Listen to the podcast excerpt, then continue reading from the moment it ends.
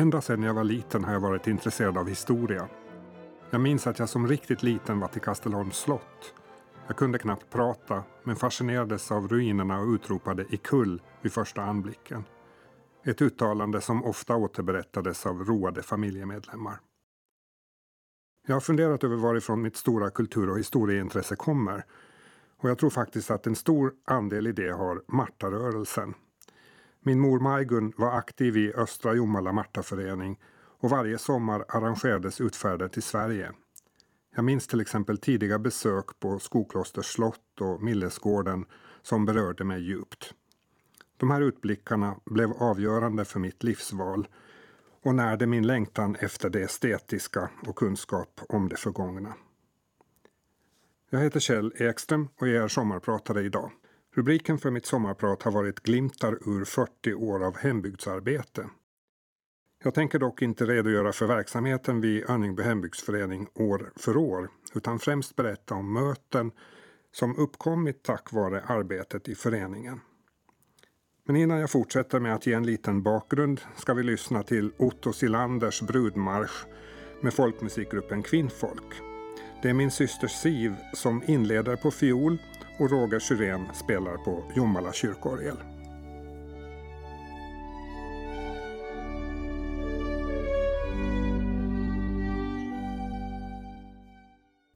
När jag var 19 år blev jag involverad i grundandet av Önningby hembygdsförening. Jonesas, en av gårdarna i min hemby Önningby, blev då öde. Sista husbonden Lennart Karlsson avled. Hans brorson som ärvde hela hemmanet hade ingen användning för de förfallna gårdshusen på Jonesas. Och vi bybor fick förfrågan om vi var beredda att rädda mangårdsbyggnaden genom att lägga nytt tak på huset. Vi skulle då få använda det i 15 år hyresfritt. Vi antog erbjudandet trots den korta arrendetiden. Och under ledning av byns händige byggmästare och snickare Jan-Erik Holmström lades nytt tak på huset. Hörningby hembygdsförening bildades officiellt året därpå, 1982, och Harald Karlsson blev dess första ordförande. Vid den här tiden hade jag just återvänt från en drygt tre månaders stipendievistelse i Italien där jag läst italienska vid l'Università per Stranieri di Perugia. Efter detta har Italien en stor plats i mitt hjärta och jag älskar det italienska språket, modet, den italienska maten och musiken. Vi ska lyssna på Wes och Dori Getzi i deras slagerfestivalhit från 1975, Era, Det var.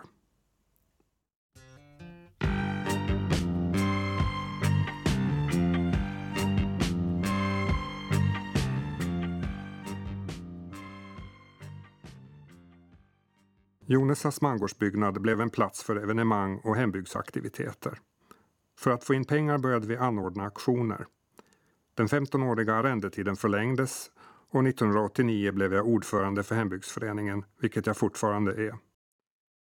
Vi hade efter 1986, då Örningbykolonins 100-årsminne uppmärksammades med ett åländskt frimärke, börjat nära museidrömmar. Och redan 92 slog vi upp portarna. På invigningen donerade Roy och Ann-Marie Karlsson Stenladdugården till föreningen och några år senare fick vi köpa museitomten. Och även gårdstomten med byggnader ägs numera av föreningen. Jag tänkte i det här programmet inte berätta mer om själva verksamheten i föreningen och Örningbymuseet utan istället fokusera på någonting annat. Man kunde kanske tro att hembygdsarbete är någonting introvert och lokalpatriotiskt isolerande. Men i mitt fall hade det varit absolut tvärtom. Det frivilliga arbetet i föreningen och museet har betytt utblickar och fantastiska möten med människor. Möten som resulterat i samarbete över gränser och vänskap med personer jag aldrig skulle ha träffat utan hembygdsarbetet.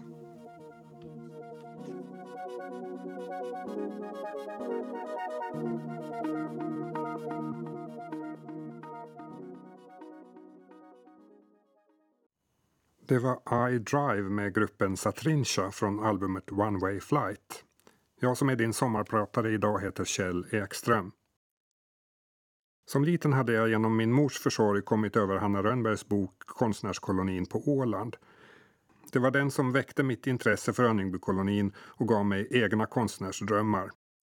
När jag fick höra att landskapsmålaren och Önningbykolonins grundare Viktor Westerholms dotter Maja-Stina Svensson levde tog jag mod till mig och tog kontakt. Jag fick lov att komma på besök till henne och med mig hade jag en stor rullbandspelare från Radio Åland. Maja-Stina bodde i ett gammalt stenhus på Brahegatan 52 i Stockholm. I den ålderdomligt möblerade och mörka lägenheten mötte jag en liten gammal dam som vänligt tog emot.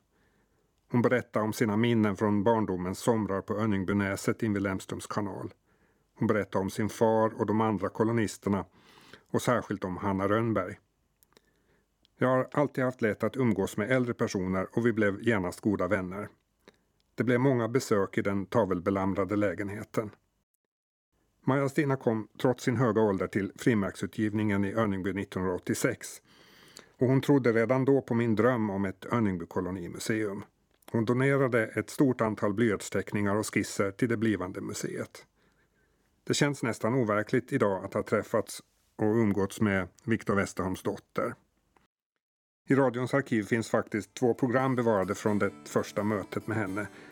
Program som producerades tack vare dåvarande redaktionschef Pernilla Kammerts frilanskurs.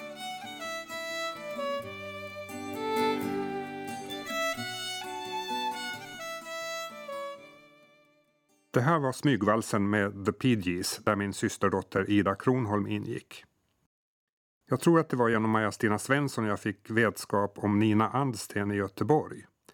Nina var bekant med Maja-Stina och hennes koppling till Örningbykolonin och den Västerholmska familjen hade sin grund i Ninas svärfar Axel Andstens vänskap med Västerholm och Örningbykolonisterna.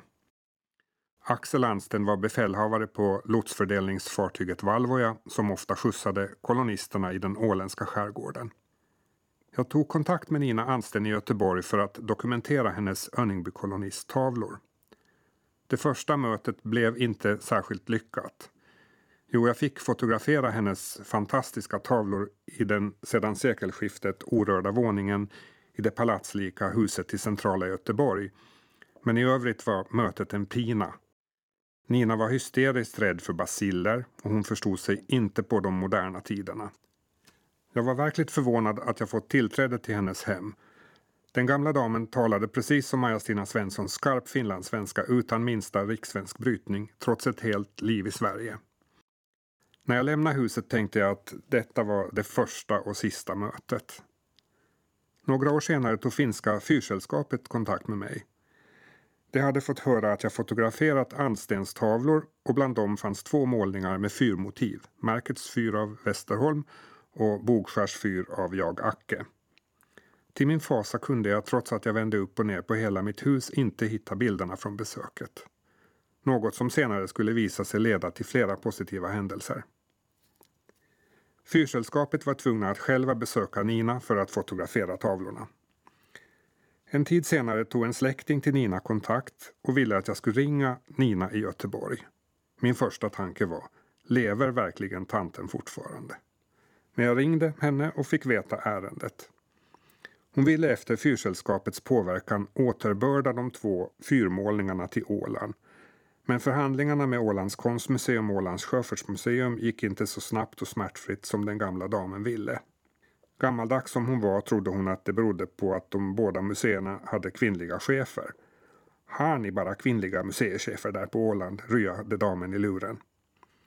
Nåväl, Nina Ansten gav ett bud till mig. Vi skulle få köpa märkets fyr av Västerholm om vi gjorde det så skulle vi få Ackes bokskärstavla på köpet. Jag ringde samma kväll runt till hembygdsföreningens styrelse och följande morgon kunde jag ringa till Göteborg och meddela att vi accepterade hennes bud. Det blev först tyst i luren och jag hann tänka, har hon ångrat sig? Innan hon glatt kraxade. Jag visste väl att det med en karl vid rodret händer saker. Jag försökte förklara att konstmuseet måste låta ett sånt här ärende föredras och att medel ska budgeteras och att Sjöfartsmuseet drivs av en stiftelse. Men Nina Ansten ville inte höra på. Det visade sig sen att hon också missförstått museernas anbud i euro och trodde att det rörde sig om ett skambud i kronor. Nåväl, jag bävade för att igen besöka den bestämda gamla damen i Göteborg. Men till min förvåning fann vi varandra denna gång. Hon var på strålande humör vi drack kaffe och åt kakor och jag berättade om Hanna Rönnberg och läste om kapten Ansten i Rönnbergs bok.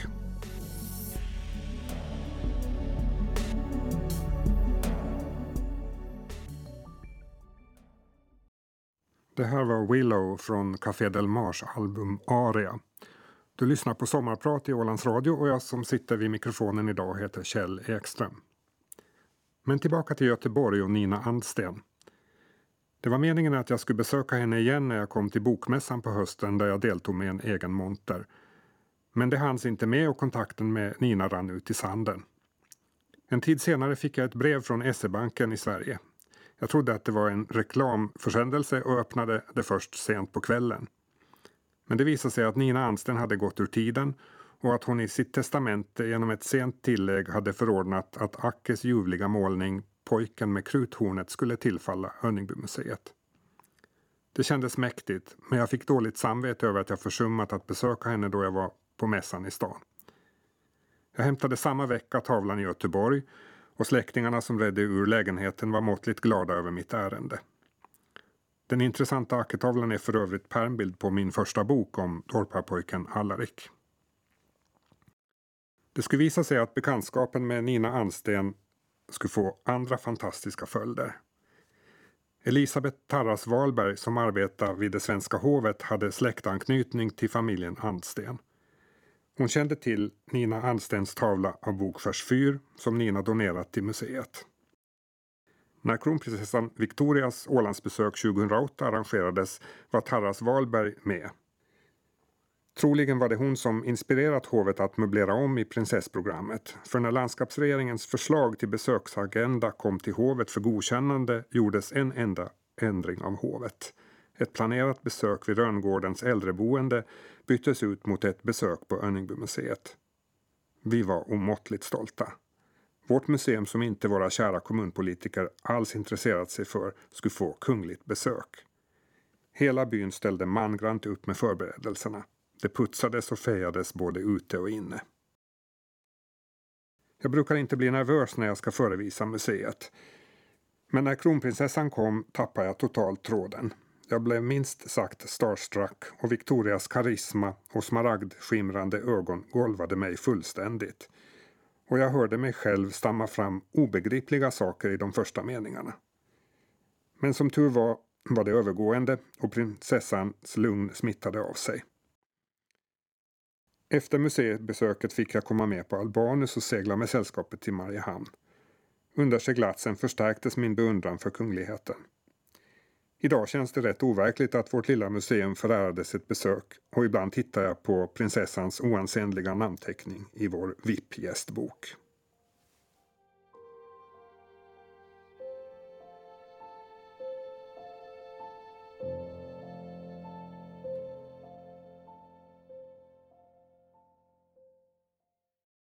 Det var en del av Spiegel am Spiegel av min favoritkompositör, den estniske tonsättaren Arvo Pärt. Genom arbetet med Önningbymuseet har jag fått träffa många andra celebriteter. Då president Martti Ahtisaari en gång besökte Åland fick hans fru Eva under det så kallade damprogrammet besöka Önningbymuseet. Det visade sig att hon i sitt arbetsrum hade en målning av Dora Valros och att hon hade förgäves sökt information om konstnärinnan. I Örningbymuseet fick hon det och kanske det var detta som gjorde att jag återfanns på inbjudningslistan det året till presidentbalen på slottet i Helsingfors. Ett annat museibesök jag minns särskilt väl var när den unga nationen Estlands första president Lennart Meri kom. Detta på grund av att estniska konstnärsgruppen Noresti vistats i byn i början av 1900-talet. Meri var president i Estland 1992 till 2001 han var oerhört trevlig, lågmäld och konstintresserad. Före han blev politiker var han känd som filmmakare och författare. Hans chaufför var även han konstintresserad och han tecknade ett fint porträtt av presidenten i gästboken under besöket. En kväll i början av 1990-talet var jag på en sen promenad i byn. Plötsligt stannar en främmande bil på bygatan och föraren rullar ner bilfönstret. Det var Kai Grönström som körde bilen och med sig hade han en estländare som också han kände till att Ester vistats i byn för snart hundra år sedan. Jag hade läst om norrestergruppen och kunde glatt utropa att visst har här vistats Ester, Fridebert Toglas, Konrad Mägi, Anton Starkopf, Alexander Tassa och Nikolaj Trik. Jag hade museinyckeln med mig och bjöd Grundström och hans estniske vän Mark Sossar på ett spontanbesök. Mark Sossar som är en sann estnisk patriot glömde aldrig det oplanerade besöket och han lär ofta ha återkommit till det sällsamma mötet i sommarnatten. Att någon på en mörk landsväg ute på den åländska landsbygden kunde räkna upp namnen på de estniska kulturella nationalhjältarna gjorde djupt intryck på honom. Mötet med Mark ledde till att jag senare kunde vara med om kulturellt utbyte på många plan. Jag fick till exempel uppdraget att kuratera en åländsk utställning i Pärnu och på folkmusikfronten etablerades ett samarbete med min syster Siv och folkmusikgruppen Kvinnfolk som fick vara med om att revitalisera bruket av fiol inom folkmusiken på Marks estniska favoritö Kihnu.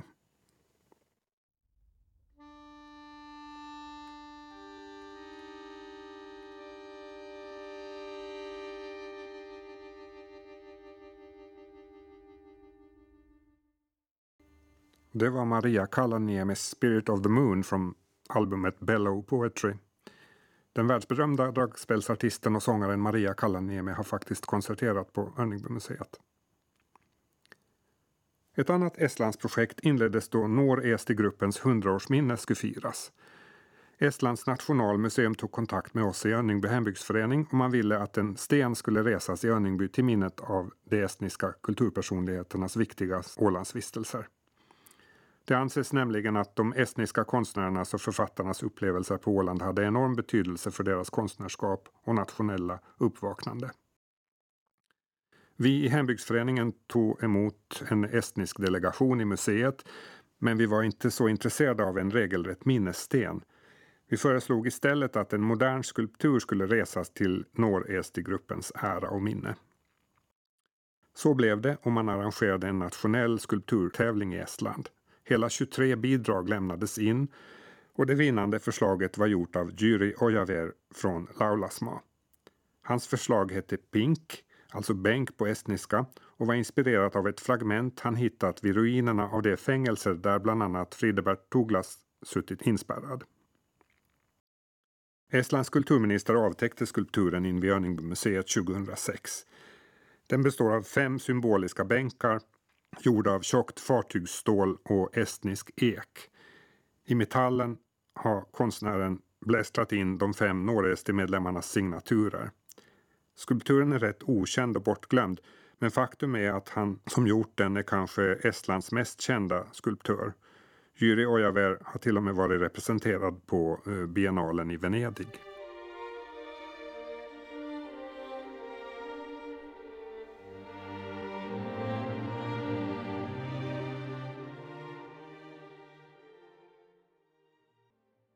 Det var stycket Summa för stråkorkester av Arvo Pärt. Du lyssnar till Sommarprat med Kjell Ekström. Under arbetet med skulpturtävlingen blev jag god vän med Kersti Koll på Adamsson Erikum-museet i Tallinn, en filial till Nationalmuseet Como.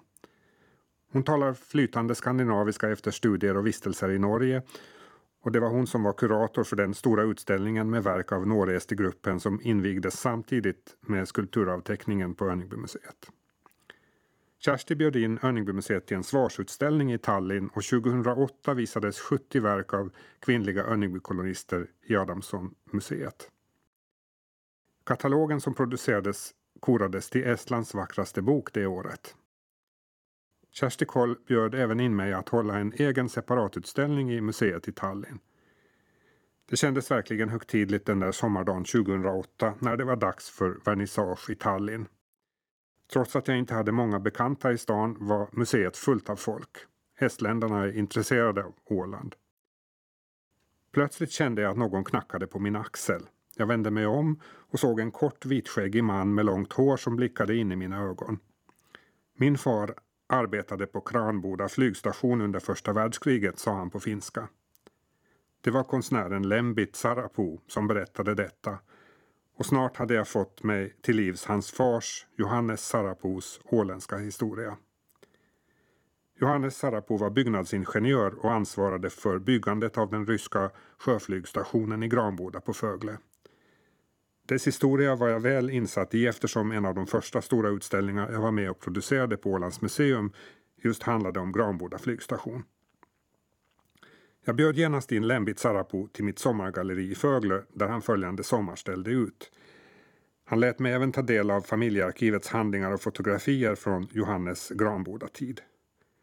Lembit är en av Estlands mer spektakulära naivister och hans utställning på Berghäll i Fögle innehöll flera okonventionella och intressanta målningar.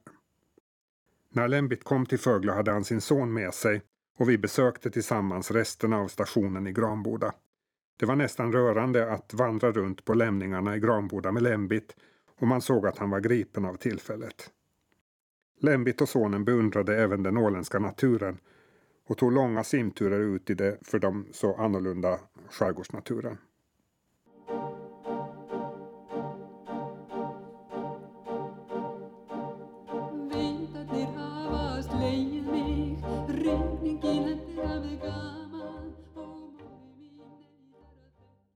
Det var den isländska sångerskan Klacki med låten Fravillingur som lär betyda avvikelser. Skivan har jag förresten fått av min kusin Per Ekström som nu bor på Island. Han var kassör i hembygdsföreningen och med om att grunda Örningbymuseet. Ett annat intressant möte som arbetet i hembygdsföreningen resulterat i var mötet med Claes Måser. Jag hade satt in en annons i en antik och konsttidning där jag efterlyste målningar av den svenska konstnären Jag Acke, en av Örningbykolonins viktigaste medlemmar. En dag ringde en man till mig och uppmanade mig att ta kontakt med hans son som alltså hette Claes Måser. Han är en stor Ackerkännare, berättade mannen. Det här var före Antikrundan gjorde Claes Måser till en tv-kändis. Han hade ett flott galleri vid Östermalmstorg tillsammans med en kompanjon och det var där jag träffade honom första gången. Vi kom genast bra överens och blev snabbt goda vänner. Det visade sig att Claes var en väldigt generös och öppen människa. När han 92 hörde att jag skulle på akvarellkurs till Mallorca lånade han genast ut sitt hus och sin bil på Mallorca till mig. Claes blev en ovärderlig leverantör av målningar till den växande konstsamlingen vid Örningbymuseet. Det är otaliga Örningbytavlor som han spårat upp och kunnat sälja till museet. Med tiden har han dessutom donerat en avsevärd mängd verk och material till museet. Det var också genom hans kontaktnät som Ackes magnifika målning Morgondimma kom till Örningby. Inför utställningen som vi gjorde för Dachhaus och Schwans konstmuseer i Tyskland för fyra år sedan efterlyste tyskarna fler verk av Acke. Jag ringde Klas, som dock tyckte att han inte hade något lämpligt verk att låna ut. Han rekommenderade mig att fråga ägaren till Morgondimma, tavlan från 1888, med männen som slår gräs på en blommande äng i tidig morgonbelysning. När jag så kontaktade ägaren visade sig att tavlan var utbjuden till salu via en konsthandel i Stockholm. Det blev inget lån av tavlan men däremot ett köp till ett mycket bra pris och idag hänger den i den permanenta samlingen på Örningbymuseet. Claes har genom åren gjort mycket för Åland. Det var tack vare honom som Antikrundan kom hit första gången i slutet av 90-talet för att sedan återkomma 20 år senare. Han har även otaliga gånger medverkat vid Hembygdsföreningens evenemang på Örningbymuseet och Vänföreningens utfärder i Stockholm.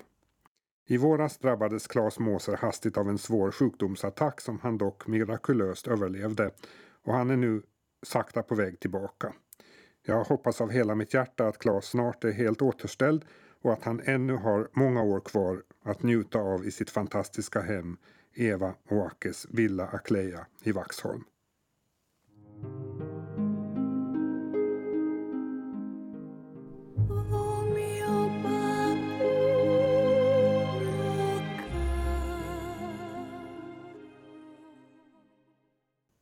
Det var Omeo Babino Caro med Filippa Giordano. I början av 1990-talet när Önningbymuseet var alldeles nytt fick jag en dag ett telefonsamtal från Belgien. Det var monsieur Benno Rich från Tervuren som ringde. Han hade grundat en europeisk federation, Euroart, för att samla Europas konstnärskoloniorter i en gemensam organisation. Risch ville att Önningbymuseet skulle bli medlem och att jag skulle komma till årsmötet i Laren i Holland för att hålla ett föredrag om Önningbykolonin. Det blev början på Önningbymuseets medlemskap i Euroart och idag är jag styrelsemedlem i sällskapet. Detta uppdrag har inneburit många spännande studiebesök och resor i konstnärskoloniernas Europa. Jag har till exempel fått besöka Kosumierz-Dolny i Polen, Arenshop och Hiddensee i Nordtyskland för att nämna några. Medlemskapet har dessutom betytt ökad synlighet för Önningbymuseet i Europa. Medlemskapet har till och med resulterat i att konstnärskolonifantaster från Mellaneuropa rest till Åland enbart tack vare att de genom Euroart fått reda på att här fanns en konstnärskoloni kring sekelskiftet 1900. Även i riket har Önningbymuseets medlemskap i Euroart väckt intresse. Kulturministeriet ville tidigt få information om federationen och Önningbymuseets medlemskap. På det första Euroart-mötet blev jag bekant med Jens Joost Kryger som arbetar inom kulturturismen i konstnärskoloniorten Worpswede i närheten av Bremen. Vi blev goda vänner och jag lockade honom att ta sin fru och sina döttrar till Åland på stugsemester. Jag letade upp en av Ålands finaste uthyrningsstugor som låg ensam på en liten ö bara en kort roddtur ut från stranden. Jag hade skrutit om våra soliga varma somrar och allt var bäddat för succé. Men vädret ville annat. Det blev två veckor i kyla, regn och blåst. Badvattentemperaturen nådde upp till högst 14 grader och det hela resulterade i att döttrarna lovade att aldrig chansa på att semestra i Norden efter detta. Dagen efter att Jens med familj lämnat Åland kom värmen. Jag berättade om väderomslaget för dem men Jens döttrar sa Kjell ljuger. Jens som älskar Skandinavien fick därefter snällt styra sommarsemesterresorna till stekheta Sydeuropa istället. Hösten 2004 tog Jens emot Önningbymuseets vänner på ett storartat sätt när vi ställde kosan till Bremen, Borpsvede och Skagen. Vi hade bestämt träff på det stora torget i Bremen. Vår jovialiske åländske busschaufför brydde sig inte så mycket om förbudsmärken och trafikskyltar. När Jens såg den åländska bussen rulla in på den sedan länge totalt för trafik fredade kullerstensbelagda torgplatsen visste han inte riktigt hur han skulle reagera. Han lyckades dock snabbt lotsa oss bort från torget till mer lovliga busstrakter utan att polisen hann ingripa. Jens arbetar inte längre inom Euroart men vi har fortfarande kontakt och för ett par år sedan bjöd han in mig att ställa ut på hans nystartade kafégalleri i Bremen. Han flyttade ut ur sin lägenhet i Bremen och upplät den till min disposition under utställningsförberedelser och öppning. Jag hoppas att Jens vågar göra ett nytt Ålandsförsök en vacker dag och då vet jag att jag verkligen måste bjuda till för att återgälla all gästfrihet och vänlighet. En annan sällsam bekantskap som arbetet med Euroart har resulterat i är den med konstnärinnan och sångerskan Lola Di Vito från Belgien. Hon har som namnet vittnar om italienska rötter och jag försökte tappert minnas de italienska kunskaperna från Perugia-tiden. Men vi blev inte bekanta förrän vi träffades i Auvers-sur-Oise. Plötsligt fann vi varann och hade hur mycket som helst att tala om. Det visade sig att hon är dotter till en ganska känd kompositör, Berthe Di Vito Delvaux. Jag fick ett par CD-skivor med moderns kompositioner och Lola medverkar med sång på några spår. Vi ska lyssna på Song for Voice, Horn and Piano, opus 202 från en av skivorna.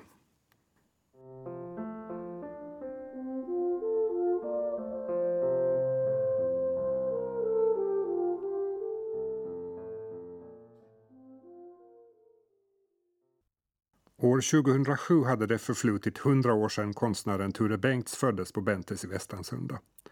I Örningby hembygdsförening tyckte vi att det var lämpligt att uppmärksamma detta jubileum eftersom Ture Bengts hade rötter i Örningby. Hans mormor Victoria var nämligen född på Jonisas, alltså den gård där museet idag är inrymt. Och hon gifte sig till Bentes i Västansunda. På Jonisas hade det funnits en Bengtsmålning, en tavla som Ture givit åt sin mors kusin Lennart Karlsson. Sagt och gjort, vi kontaktade Tures släkt och olika bolag så att vi fick ihop en representativ kollektion av främst hans tidiga måleri. Det kändes rätt mäktigt att hänga utställningen i Jonesas gamla ladugård och särskilt att se Tures porträtt av mormodern Victoria hänga där. Hon hade nog aldrig kunnat ana att hennes son, son Ture en dag skulle bli en hyllad konstnär och professor i Boston och att hemgårdens Stenladugård en dag skulle bli konstmuseum. Ture Bengts emigrerar på 20-talet till Amerika och börjar arbeta hos sin farbror Elis Karlsson på en målarfirma. Han hade egentligen drömt om en musikerkarriär men gav upp den drömmen. Orsaken till Tures emigration var egentligen mindre smickrande. Han hade gjort en flicka i hembyn gravid och för att undslippa faderskapets ansvar lämnade han Åland för USA. Sonen Bengt Elling och modern lämnades kvar på Åland och Ture hade aldrig kontakt med Bengt. Bengt som för övrigt också var mycket musikalisk, spelade i Sosis-orkestern. Han målade och var aktiv som grafiker. I och med arbetet med utställningen kom jag i kontakt med Ture Bengts amerikanska dotter Lancy Valentine. Hon signalerade plötsligt att hon tänkte komma till Åland för att titta på utställningen. Jag kände en viss vånda inför besöket för i utställningen gjorde vi ingen hemlighet av Ture Bengts utomäktenskapliga son Bengt Elling. Jag tog till slut mod till mig och skrev ett mejl till Lancy. Jag skrev att jag kände att jag måste ställa henne en fråga även om det var svårt. Jag skrev Känner du till att din far Ture hade en son här på Åland? Sonen dog för ett par år sedan men han har fyra döttrar som gärna skulle träffa dig. Jag väntar oroligt på svar. Medan jag väntar fick jag höra att Tures änka dött. En kvart före utställningens vernissage kontrollerade jag mina mejl och jag såg till min förvåning att jag hade fått ett från Lansi. Med bultande hjärta öppnade jag det. Hon hade nyligen bytt mejladress och inte på länge kontrollerat den gamla inboxen. Lancy skrev I was totally stunned. I had no idea that I had a brother in Åland. In my whole life I have longed for a big family without knowing I had it in Åland. I would love to meet my nieces. Alltså Lancy skrev att hon blev förbluffad, att hon inte hade en aning om att hon haft en bror på Åland. I hela sitt liv hade hon önskat sig en stor familj och så hade hon det på Åland utan att veta om det. Jag ser fram emot att träffa mina brors döttrar avslutar hon mejlet. När jag skulle öppna utställningen berättade jag detta och jag blev så rörd så jag tappade helt konceptet. Lansi kom till Åland den sommaren och hon mötte sina okända släktingar. Det blev oförglömliga stunder och man hade önskat att Bengt Elling hade fått vara med om detta. Lansi och jag fick ett starkt vänskapsband. Hon var tacksam att jag vågat berätta det som hennes fars släktingar aldrig vågat berätta. På hösten 2007 inviterades jag till Lansis hem i Duxbury utanför Boston. Vi besökte förstås The Art Complex Museum som Ture Bengts varit med om att bygga upp och jag fick även vara med på ett minnesvärt Thanksgivingsfirande hos en hundraårig vän till Lancy. Nu planerar vi för en utbyggnad av Önningbymuseet och i den kommer Ture Bengts att få en permanent plats. En plats i sin mormors ombyggda ladugård som alltså blivit konstmuseum.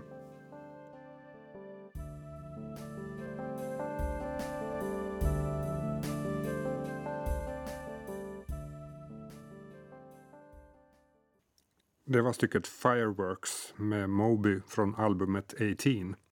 Jag som sommarpratar idag heter Kjell Ekström. Ett annat intressant möte som arbetet i Örningby hembygdsförening resulterat i är möte med författaren Lena Sevall från Karlstad. Jag guidade en dag en grupp värmlänningar i Örningbymuseet och i gruppen fanns länsbibliotekarien Lena Sevall. Hon är en stor kännare och vän av Skagenkolonins historia. Vid besöket på Åland fick hon för första gången höra talas om den finländska målarinnan Hanna Rönnberg och att hon deltagit i Skagenkolonin. Lena blev eld och lågor och när hon några år senare gav ut sin fantastiska bok En bit Skagen med recept och mathistoria var Hanna Rönnbergs bok Konstnärsliv i slutet av 1880-talet en viktig källa. Lena och jag blev goda vänner och hon började arrangera föreläsningsturnéer för mig i Värmland. Genom dem fick jag se hela Värmland och berätta om Åland och Önningby-kolonin i till exempel Arvika, Årgäng, Torsby, Sunne och Katrineholm och många andra ställen. En dag tog Lena mig till Munkfors där vi hälsade på den nu så Ålandsaktuelle akvarellisten Lars Lerin och hans dåvarande man Yngve Henriksen. Lars träffade jag också senare i Smedsby där han en tid ägde ett gammalt hus. Smedsbyn i östra Ämtervik är annars mest bekant för att det excentriska konstnärsparet Mark och Karin Brås bor där. Mark är från Holland och hans fru Karin slog igenom stort som konstnär för ett par år sedan. Då vi träffades första gången var de inte särskilt kända utanför Värmland. Mötet resulterade i gästande utställningar från Värmland på Åland. Värmländska grafiker ställde ut på Ålands museum och Karin Brås höll en separatutställning i Örningbymuseet. Efter utställningsöppningarna bjöd jag in Karin och Mark till en liten kräftskiva i min trädgård tillsammans med mina vänner. Det blev en väldigt trevlig kväll och Mark tyckte att Åland var fantastiskt. En ö utan fördomar och gränser tyckte han. Jag protesterade lite och menade att det inte alltid är så fördomsfritt. Vad menar du, sa Mark. Jag tog ett exempel från kommunpolitiken för att punktera hans idealiserade bild av Åland och berätta om hur jag i kulturnämnden i Jomala föreslagit att en ny väg som drogs över en gammal torptomt i Ingby där torparen Alma Löv bott skulle få namnet Alma Lövs väg. Alla tyckte att det var ett vackert gatunamn men när vägnamnen fastställts av kommunledningen hette vägen Skomakarvägen och inte Alma Lövs väg. Jag frågade nämndordföranden varför vägen bytt namn och han svarade frustande Alma Löv var ju född i Korpo. Underförstått att den som inte var född på Åland skulle inte kunna ge namn till en väg. Mark som kanske hade några snapsar under hatten utropa. Om Alma Löv inte var värdig ett gatunamn på Åland skall hon få ett helt eget museum i Värmland. Sagt och gjort, han presterade hemma en lustig pamflett som egentligen gjorde lite narr av värmlänningarnas hyllande av Selma Lagerlöf Lokaltidningarna på Åland som fått pamfletten tog den dock på blodigt allvar och Mark fick än mer bränsle till sin galna idé. Han skapade så ett modernt konstcentrum med paviljonger och installationer och anläggningen fick namnet Alma Löv Museum of Unexpected Art. Har du inte besökt Smedsbyn och Alma Lövs museum ska du göra det. Har du tur får du träffa Mark. Örningbymuseets vänner besökte honom under en av sina Värmlandsresor och det mötet glömmer man aldrig.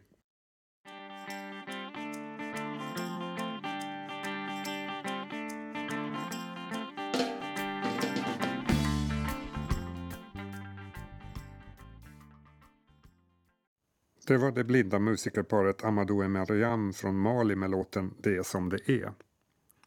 Jag har sparat det kanske viktigaste mötet till sist, mötet med Hanna Rönnbergs systerdotterdotter Irina Orre. Jag mötte Irina Orre första gången den 6 juli 1990. Vid den här tiden var jag ganska nytillträdd som museichef i Ålands museum och involverad i ett utställningsutbyte med den norska kommunen Åserall. Jag var precis på väg ut genom museidörren på väg till Norge när Irina Orre tillsammans med en väninna kom oanmälda till museet. Irina presenterar sig och berättar att hon kommit till Åland för att söka upp den plats där hennes mormors syster Hanna Rönnberg verkat för hundra år sedan. Trots att jag hade väldigt skyndsamt skjutsade jag ut damerna till Örningby och visade i all hast var Hanna bott och jag berättade det jag visste. Sedan hastade jag vidare till hamnen för att ta färjan till Kapellskär. Senare på hösten hörde Irina Orre av sig och bjöd mig till Stockholm. Jag hade uttryckt en undran under vårt korta möte på sommaren om vart Hanna Rönnbergs arkivmaterial kunde ha tagit vägen.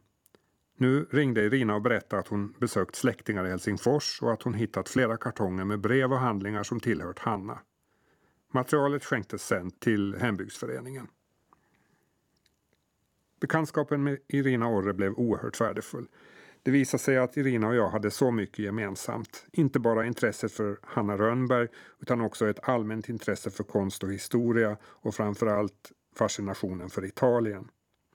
Jag besökte ofta Irina i Stockholm och hon blev något av en extra farmor för mig.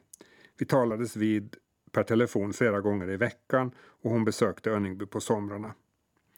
Vid ett av de första besöken hos henne i Stockholm så blev jag bjuden till hennes mor Olga och styvfar Edvin Falléns lägenhet.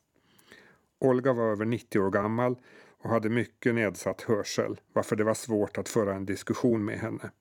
Hade jag vetat att det var enda gången jag skulle träffa henne hade jag kanske frågat mer om hur hennes planer på att bli konsertpianist grusades av revolutionen i Ryssland och hur det var att utbilda sig till sjuksköterska i Sarens Petersburg. Hur som helst var det intressant att träffa Hanna Rönnbergs systerdotter. Genom åren visade sig att Irinas vilja att stödja museiprojektet aldrig sinade. På somrarna ställde hon upp som gratismuseivakt i det lilla museet. Hon förvånade besökarna med sina språkkunskaper. Irina talade ju sju språk flytande. Svenska, ryska, finska, engelska, franska, tyska och italienska.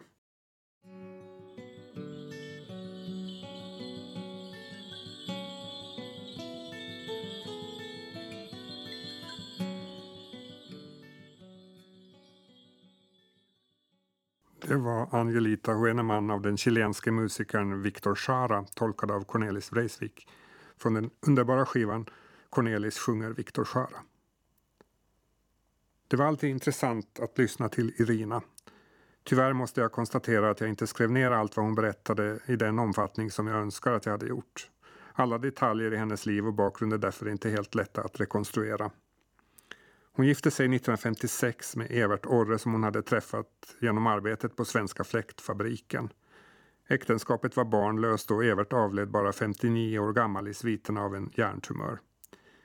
Irina hade en merkantil utbildning och hon arbetade sedan som sekreterare vid Electrohelius som senare slogs ihop med Electrolux, där hon stannade till sin pensionering. Som pensionär var hon en stor kulturkonsument. Hon var särskilt aktiv inom Società Dante Alighieri i Stockholm, där hon fick odla sitt stora intresse för Italien. Irina var även engagerad för en rad välgörenhetsorganisationer. Förutom alla intressen vårdade hon ömt sin mor och sin styvfar.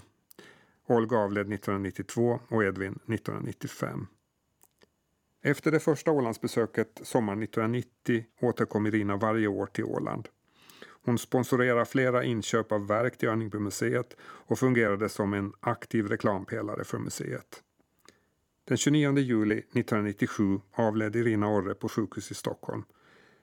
Hon hade redan på 1950-talet drabbats av bröstcancer, något som hon aldrig berättade för sina föräldrar.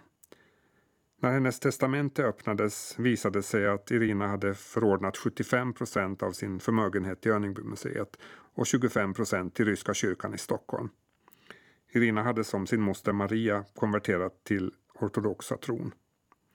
Den testamentariska donationen som omfattade aktier för cirka en och en halv miljon kronor och en del lösöre samt en värdefull konstsamling kom som en total överraskning för oss i Örningby hembygdsförening. Donationen gjorde att den planerade utbyggnaden av museet kunde förfärdigas i rask takt och för att uppmärksamma den fantastiska donationen kallas utställningssalen för Irinasalen. Örningbymuseet hade aldrig kommit dit det kommit idag utan Irina Orres insatser. Mötet med Irina var ju inte planerat och egentligen hade jag ju inte tid med något möte den där dagen 1990. Men Irinas personlighet gjorde att man bara tog sig tid att engagera sig. Det är jag glad för idag och jag tänker ofta på allt trevligt vi hann uppleva tillsammans. Avslutningsvis vill jag säga att jag hoppas att mitt program visat att hembygdsarbete är allt annat än insulärt och begränsande utan tvärtom kan innebära oanade utblickar och internationella kontakter bara man är öppen i sitt sinne.